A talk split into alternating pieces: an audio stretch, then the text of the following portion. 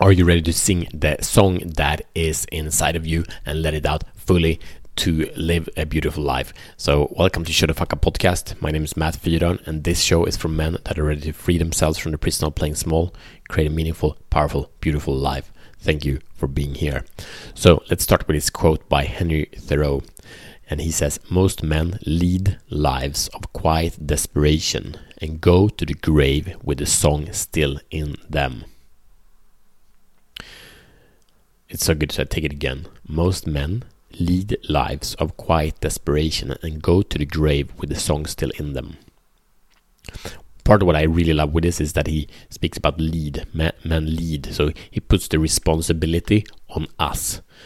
If it's a lived life, it's more in random, like life happening to us. But he speaks as men as leaders. We are leading the life. We're actually the creators of the quiet desperation.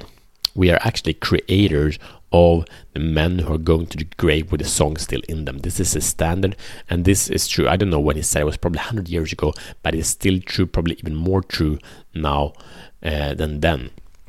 And especially because back in the days when he said that we did, all men didn't have the opportunity as we now have in the West, uh, we have so many, you know, uh, stories of men who go from big challenge to success in any area of life. So there are no real excuses. Whoever and um, wherever you have been, there has been a man who has taken himself from that place to create an amazing, amazing, amazing life.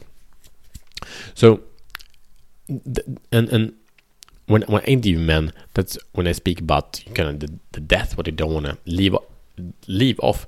This is one of the most important things to live their truth to stand their ground. That was been one of the most important parts in life when it comes to this. So it's really um, about the invitation is quite clear because I believe you know the song you have. If not, sit and listen to it. Sit and ask yourself, what is my song? Most men know that there is something they want to feel, they want to express, they want to want it out talk to a friend, talk to a coach that can guide you to that song and demand that, it's, that gets spoken out because it's so powerful. But it's basically about men that has dropped the ball because the urgency of life has stepped come in the way. So my my recipe for you is very very easy. Grab your balls, uncover your truth, and take action. And when we start with the song, it does you don't need to sing it full out right now. That is fine. There's no hurry. There's no stress. But start singing in a way that's aligned to you now, and do it more and more and more. Increase the volume more and more. Increase your courage more and more, so you can feel that you're embodying the truth that you are, so that you can sing it out loud um, so your mission, should you choose to accept it, is to connect to your truth, is to connect to who you are, and start singing your song. So share this episode with a man that has more to sing, more to express, more to live, and we invite him to create beauty and awesomeness together. Thank you, and I see you tomorrow as better men.